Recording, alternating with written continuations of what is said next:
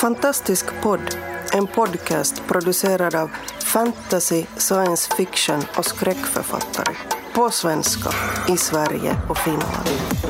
Vi snackar skriva, böcker, våndor och vändor i våra och andras världar.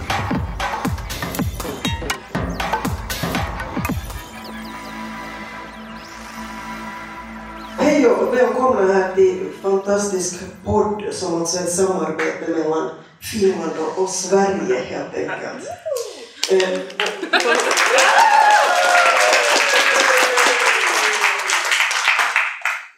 råkade vara den finska falangen. Eh, förutom oss så finns det alltså Malmö, Göteborg och Stockholm som också har sina egna poddar.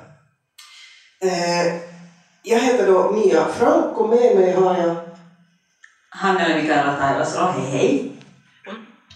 Jenny Wik. Och Maria Turchaninov. Och av någon anledning så ska vi tala under rubriken I Tove Janssons skugga. Eh, och för oss betyder väl det här ganska mycket att vi kommer att tala om, om mörker och elände. Eh, så, så det där, Mikaela sa här innan att jag egentligen borde säga hej vänner och fiender, för, för det är dit vi är på väg. Men vi kanske först ska poängtera då att den här podden är inspelad inför en levande publik.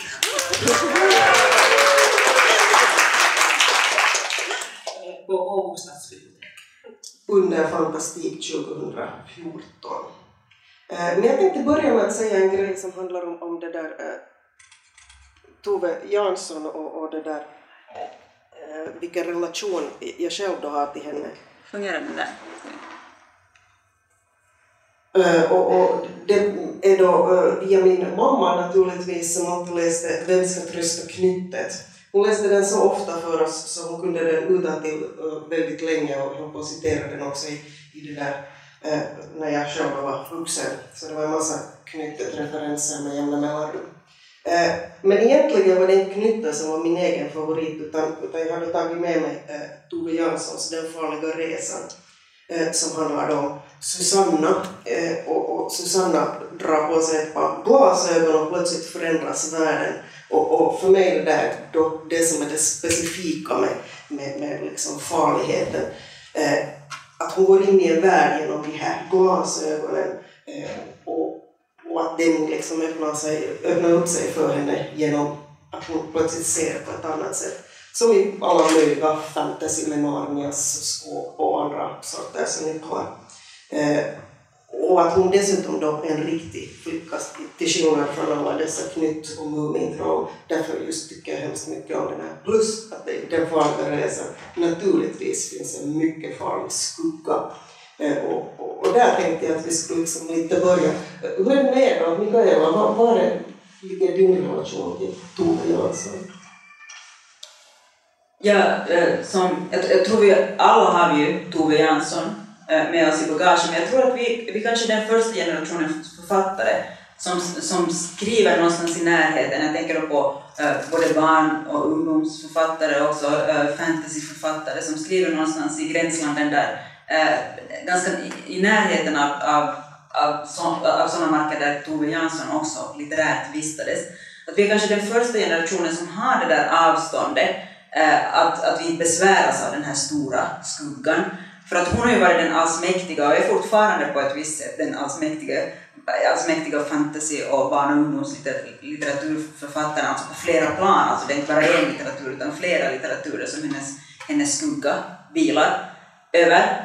Uh, och, och, och nu tycker jag, eller för mig, för mig har det här varit kanske en, en tillgång snarare än, än någonting, någonting som man måste leva upp till och sådär. Just för att vi, Eh, att vi eh, lever i en tid där också den biografiska, eh, den biografiska berättelsen om Tove Jansson har hållit på eh, att förändras, eller finns i förändring. Eh, och förändring är alltid bra tycker jag, förändring är alltid eh, dynamiskt. Eh, och eh, vi, vi får veta allt mer om, om Tove Jansson som, som rör sig också som person, alltså det biografiska som rör sig bort från det här bort från trygghetsområden och alla trygghetsområden och bort från det här eh, med äh, ja, sagotant eller någon sån här nationell symbol på något, plan. Och det är där tror jag som farligheterna ligger. Det som verkligen är farligt för all litteratur är om man blir idealiserad, om man måste vara någon sorts idealbild, om man, om man på något sätt tror att, att man måste röra sig inom det trygga. Men när brottet mot det där äh, trygga kommer så, så då, då är allt möjligt och, och vad det gäller fantasy så ska ju allt vara möjligt, precis allt ska vara möjligt.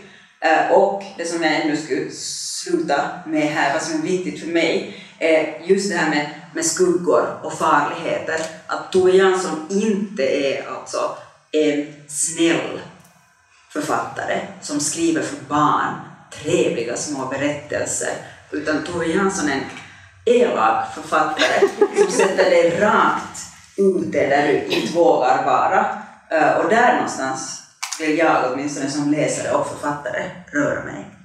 Det var Mikaelas korta, koncisa svar. och nu, nu ger jag över till Jenny.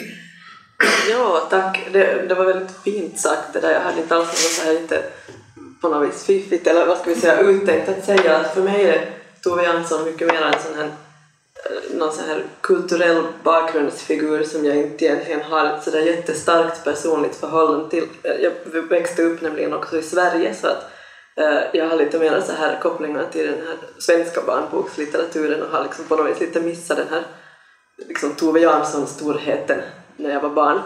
Och det här, eh, men däremot så var det ju roligt att Mia tog fram den här boken, den farliga resan, för att den har nämligen eh, äh, etsat in sig så här i ett visuellt minne hos mig, att eftersom jag nu också håller på med bilder så måste jag nog säga att det är mycket mer hennes äh, bildkonst och illustration som, som äh, vad ska vi säga, lever någonstans i bakhuvudet hela tiden. Och särskilt just särskilt den här flickan Susanna och när hon går i de här väldigt farliga eh, om, miljö, alltså den här farliga miljön som hon hamnar i, de här träden som, som speglas mot en sån här mörk eh, kärn eller, eller stormar och den här luftballongen. Så allt det här liksom har jag väldigt bra i minnet så att någonting har hon liksom gjort, någonting har hon gjort med mig och det är nog mera det här visuella. Sen har jag varit ganska dålig på att läsa de här de här längre böckerna. Så jag, så jag har bara läst de här bilderböckerna, jag tyckte om att se på bilder när jag var liten. så, men att det här, så, så en, jag kan ju inte säga att jag skulle uppleva eh, henne som en skugga på det sättet, att det är just mycket mer någonting inspirerande och upplyftande, som jag nu sa här tidigare hos Maria, att, att det är mer som att man står då på jättarnas axlar, om man kan säga så på mm. svenska. Mm. Alltså att det finns någon sån här Eh, som har gjort spännande saker och också just för att hon inte är så trygg så ger det tillåtelse att, att man behöver inte alls, man ska inte vara som henne utan man ska göra sin egen grej och då kommer det att, då kommer det att bli speciellt. Maria? Jo, alltså det här med att, att skriva i någons skugga eller vara i någons skugga, det implicerar ju just att i skuggan förtvinar man på något sätt det som växer i skugga kan inte frodas och jag upplever nog kanske snarast just att äh, jag vet, så att säga, mitt skrivande växer i en, en Tove Janssons trädgård i så fall, äh, där i hennes kompost där, där hon har gödslat bra först sådär. Och andra också. Äh, och för mig är förhållandet till Tove Jansson kanske mera indirekt. Jag kommer nu sen alltid dragande med, med Irmelin Sandman Lilius som var Toves Janssons protegé. Ehm, för hon har kanske mera då betytt direkt någonting för mig och mitt författarskap. Men, däremot, men därmed alltså naturligtvis indirekt också Tove. Um, och, och som jag sagt i flera sammanhang förut så är min Salman Liljus författarskap visar för mig möjligheten att skriva fantasy i svensk Finland på något sätt, att det går, att det går att förlägga eh, verklig fantasy här. Och med, med verklig fantasy menar jag att, att jag har nog alltid lite svårt att uppfatta just Muminböckerna som fantasy, även om man naturligtvis kan kategorisera dem så. Men medan Eh, Sanna Liljus böcker för mig känns mer som renodlad fantasy. Och um, hon har också gjort flickornas berättelser viktiga och de liksom fattigas berättelser viktiga och många sådana här aspekter som jag tror har, har påverkat mig otroligt mycket. Och sen har hon så otroligt fina namn på allt. Tuspurshando, nu talar du om. Jo, Ja. ja. jag är bara på Irmelin. Mia, du ville säga någonting?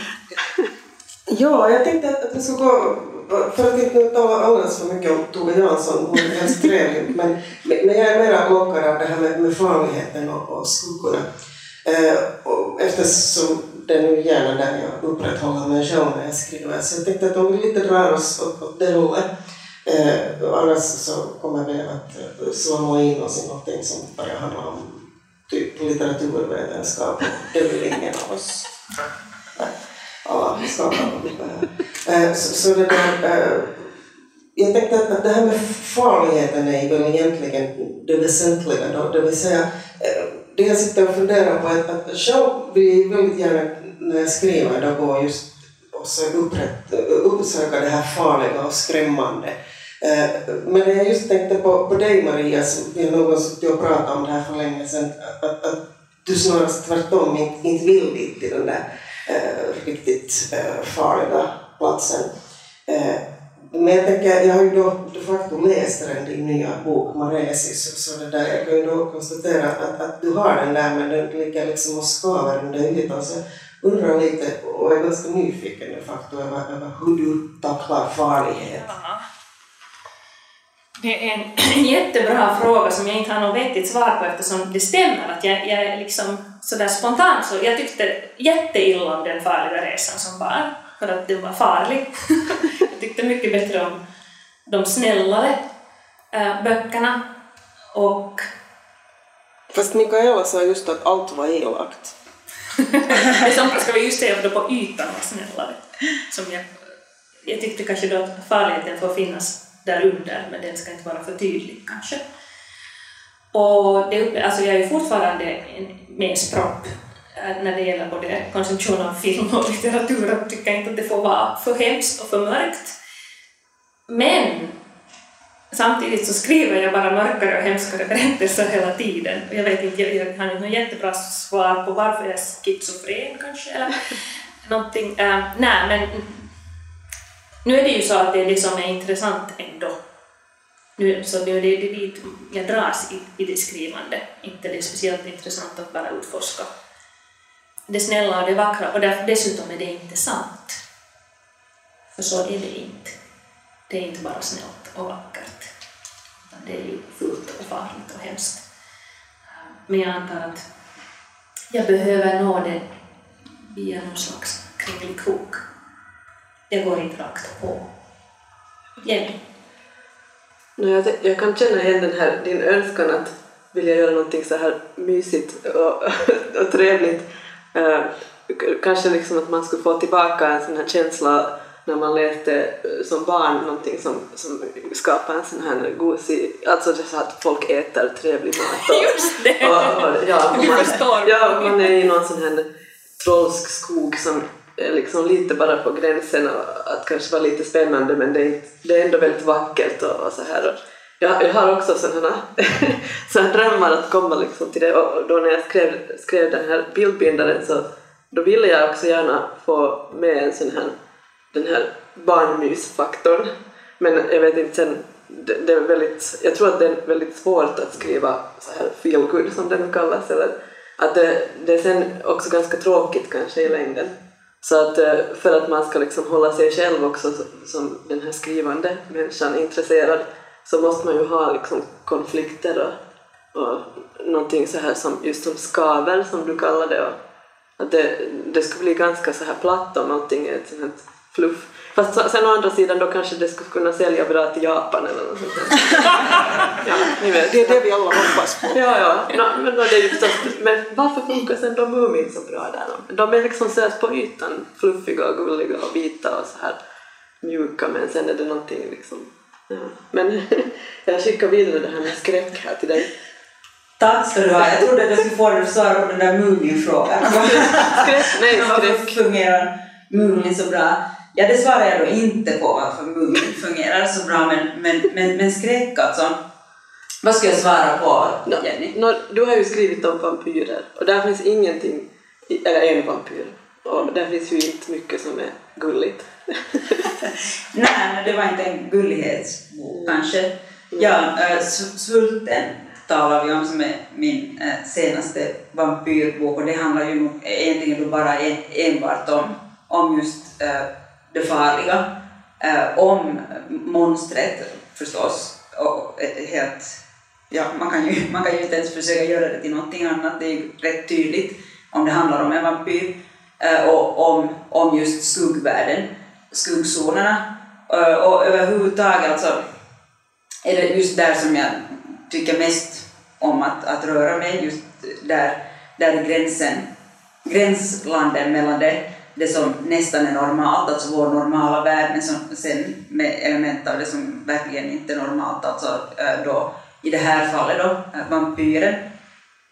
Och det upplever jag som det mest intressanta, alltså precis som, som ni här tidigare har, har sagt så, så, så är det kanske just de berättelserna, det är de sakerna som vi, som vi behöver, som vi behöver tänka på, som vi behöver väljas i, som, som vi är rädda för men dit vi ändå vill gå, dit vi ändå alltid söker oss på något, på något sätt. Eh, som, som i alla, alla skräckfilmer, alltså den där känslan av att man vet att det är någon utanför huset och man vet att man inte ska öppna dörren och gå ut och se vad som är där. Eh, men man måste ändå gå just dit, eller källartrappan, man hör att det är någonting där nere och ljuset är på men det flimmar lite. Och man vet att man borde inte gå ner om man är ensam hemma men ändå går man ner. Hello! Don't go there!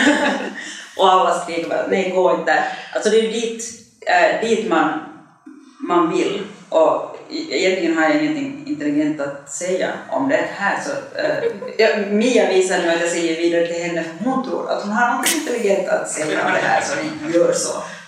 Alltså jag har massor intelligent att säga. Jag har just suttit och skrivit ett otroligt långt föredrag om, om hur man skriver skrämmande och skräck och allt möjligt. Eh, och, och, och, det jag satt och tänkte på är ju att, att man behöver de facto skrämma sig själv ganska hårt för att det ska bli farligt. Det vill säga man ska själv ner för den där källartrappan och öppna dörren och, och, och, och, så vidare. Men jag tänker mig också att för att det på riktigt ska bli farligt så ska det inte vara den där vanliga dumma blondinen, för det är blondin, som, som ska ner ja, just som ska ner för den där källartrappan, utan det kanske är snarare så att, att visst hon går ner för källartrappan men det visar sig då naturligtvis att det är hon som är de monstret äh, egentligen. Det vill säga, för att någonting ska bli farligt så måste man svänga på saker och ting och, och ändra på det. Vad tror ni om det? Jag kan... Alltså, för jag kom nämligen just precis när du pratade om det här med källartrappor och så, kom jag ju på att jag har faktiskt en annan sån här No, jag, jag svänger hela tiden in på Mumin och Tove Jansson. Jag har klart fått min hjärna in på det här. Alltså jag har en annan bok hemma som jag hade som barn på finska som, som hade gjort så att det finns en här, miniatyr Tove Jansson, Jansson hus som byggdes, jag tror att det är utställt i Tammerfors. Och det här, de har tagit sen så fotografier eh, av, av det här huset och sen gjort en sån här historia då. Eh, nu minns jag inte alls vad, vad den handlar om men det är den där... Den heter Skurken i Muminhuset. Ja, Skurken Muminhuset. Och den är ju helt hemsk. Alltså den är verkligen jättehemsk. Om man har så här dockhusfobier så, så det liksom... Alltså det är jättemörkt. De har liksom den här källaren med potatis och syltburkar och sen det kommer då den här, den här okända inkräktaren i huset och så får man se alla husets olika rum. Och just det här att när det är de här dockorna, så de är, det är det är, ni vet den här effekten med dockor som är lite så här, äh, ja, som blir skrämmande, eller det här uncanny valley som det heter också, men att här, här är de ju verkligen sådär stirriga. Uncanny Moomin Valley. Ja. där har vi någonting. Så, så att jag menar, nu finns ju den här den här liksom barnvärlden är ju jättenära skräck också hela tiden. Alltså, och, och skrämmande barn. Det, det, blir, det blir bara värre och värre nu det här. Men alltså, fast det finns de här väldigt putsade, trevliga Muminfigurerna som man ser på tandborstar och på godispaket och så här, så, så egentligen så är den ju mörk den där världen. Att det, det, det händer ju hemska saker, kometer naturkatastrofer och det finns en sån morgon. Ja, morgon. Det finns hela tiden en sån spänning att någonting ska komma och, och hända. Och egentligen är det ju ganska, det är ju ganska så här i tiden. Det är kanske någon sån här 1900-talsfenomen att vi väntar på någon sån här, vi väntar på den stora katastrofen hela tiden och det är fortfarande en sån här, ett stort tema i fantasy. Så det är kanske egentligen där som hennes stora koppling till fantasy finns. Att det, det är liksom dystopi-utopi-diskussionen. Ja, det här Alltså, eh, ja, det, det här med idyllen. Ja. Och, eh, när man har en idyll, så, så eh, åtminstone jag, så föreställer mig alltid att det måste finnas någonting annat under det. Det måste finnas någonting som, som skaver, skaver under, under den. Och det är ju, det är ju i högsta grad så med, med, med Tove Jansson. Alltså, nu, eh, om, om vi nu kommer tillbaka till henne lite här, och det är ju kanske meningen att vi lite ändå ska, ska göra det så, så här snabbt, så, så skulle jag säga att jag har egentligen inte liksom, ett barn, barnaförhållande på det sättet till Tove Jansson, utan hon har kommit nog senare eh, in i mitt, mitt liv för att, för att jag, eh, ja, jag har inte helt enkelt liksom haft, haft henne med som en skugga alltså så, så tidigt, utan det har på något sätt eh, kommit, kommit, eh, kom, kommit lite senare än, än, än, än barndomen. Men det som jag ändå kan liksom känna igen är ju kanske, liksom, eh, kanske det här med, med skräcken, alltså att det finns gotiska element i hennes eh, skrivande, i hennes miljöer eh, och i hennes sätt att använda just skuggor och ljus. Det här spelet mellan skuggor och ljus, mellan idyll och mellan det som döljer sig bakom idyllen. Alltså så en borgerlig fasad och sen under det så, så ruvar och vilar olyckorna. Och också det här som jag också kan känna igen mig i, det här med att, att vad heter det, är det, är det inte eh, kalas så är det katastrofer. Och där någonstans lever man, inte mittemellan utan endera är det kalas eller katastrofer. det är jättebra. Men också lite att båda är lika bra. Precis! Ja. Jag ja. menar, man, man måste ut i stormen lite emellanåt för att bli uppiggad. Tillbaka till Mia. Ja, Mia tänker framförallt säga att, att det där, vi behöver eh, nu kasta ut till publiken här och, och fråga om de har några frågor eftersom vi då har svammat på en stund. Och undrar om det är någonting ni nu sitter och funderar på alldeles väldigt mycket och, och som ni tycker att vi borde svamma vidare om. När det gäller Tove Jansson, jag har alltid tyckt att de var ganska otäcka böcker, men en sak som är otäck är den här hela tiden att alla verkar vara så ensamma. Den mänskliga trösta knyttet, det här att så många är så helt ensamma och utstötta och sådär. Att det är en skräck, i alla fall tyckte jag att det var otäckt när jag var lite speciellt. Mänskliga trösta, trösta knyttet var ju aldrig någon slags tröst för mig. Jag tycker det var en så otäck historia. Ja, det vill säga ensamheten i, i de där Muminböckerna och, och kanske i synnerhet faktiskt då jag ska trösta Knytte. Men det finns ju nog gott om den i, i alla böckerna på olika sätt. Eh, och, och på något vis också sen i den där sista Muminboken med någon slags metaperspektiv på alltihop där ensamheten blir liksom ensam i gemenskap. Eh, och tusenheten är så otroligt Sent i november. Just det, sent i november. Det vill säga ensamheten blir något helt absurt också där. Har ni funderat mycket på ensamheten när ni skriver?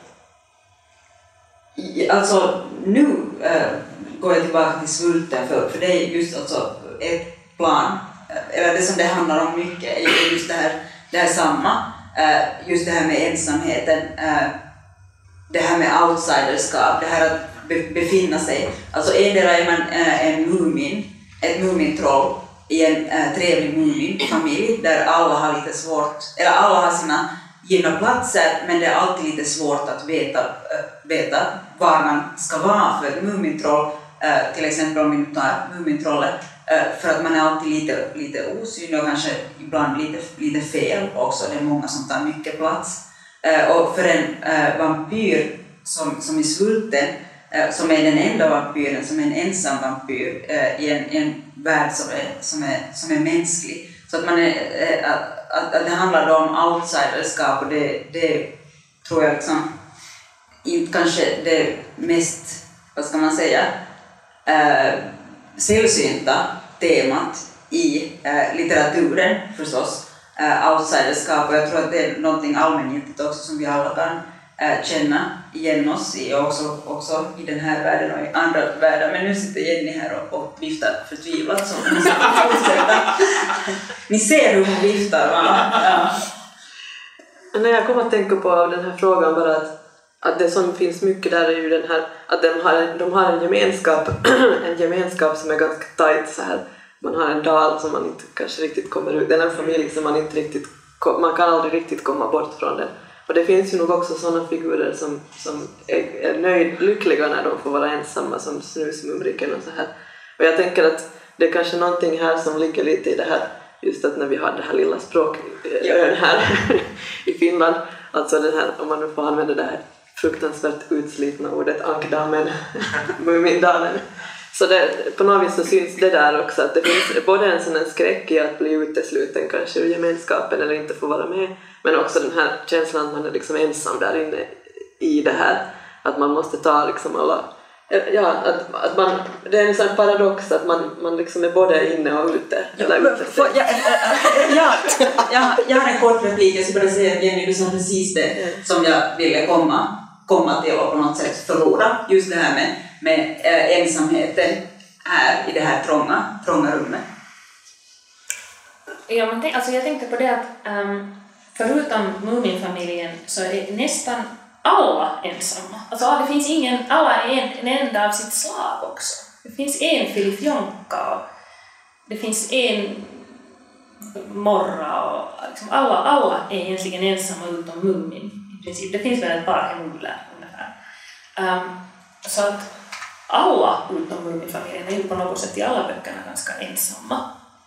Men jag tycker att det kanske är det liksom mest sanna i alla hela Muminvärlden, även i hela hennes författarskap, att alla är nu ändå ensamma.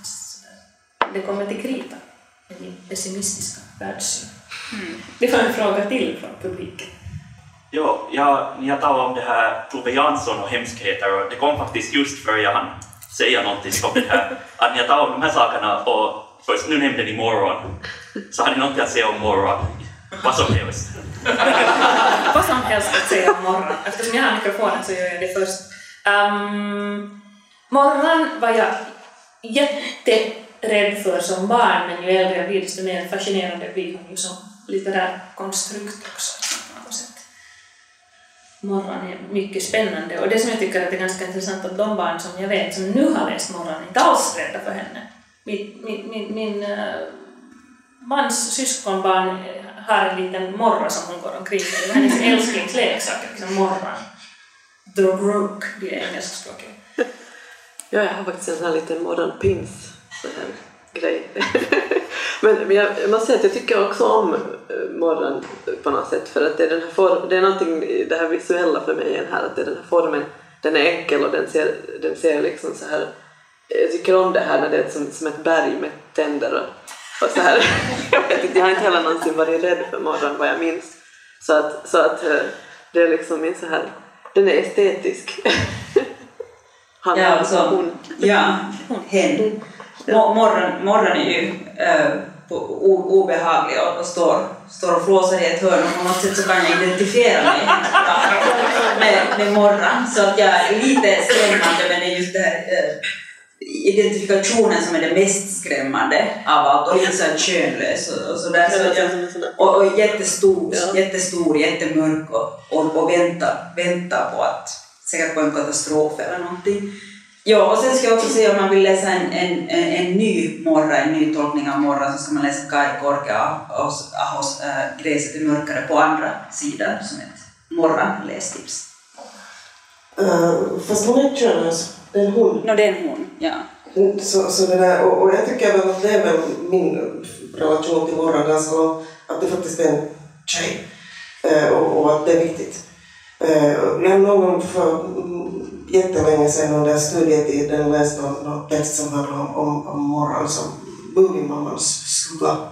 Eh, så, så det är liksom, nu knyter vi an till rubriken här fantastiskt. Oh. Eh, och, och, där, så morgon är, är väl Ja, men jag tror att, att jag har några vaga minnen av att ha varit lite rädd för henne och, och så kommer jag ihåg när jag läste Vem ska trösta knyttet för egna barn att man måste alltid täcka in morgon när äh, knyttet hade då bitit henne i svansen och springer iväg. För, för det där, då skulle hon borta och inte gå på bilden mer så, så de var nog rädda. Eh, också dagens barn. Men det kan ju ha att göra med hur jag läste. eh, Men med det här så tror jag att vi behöver då avsluta det hela och säga tack till publiken.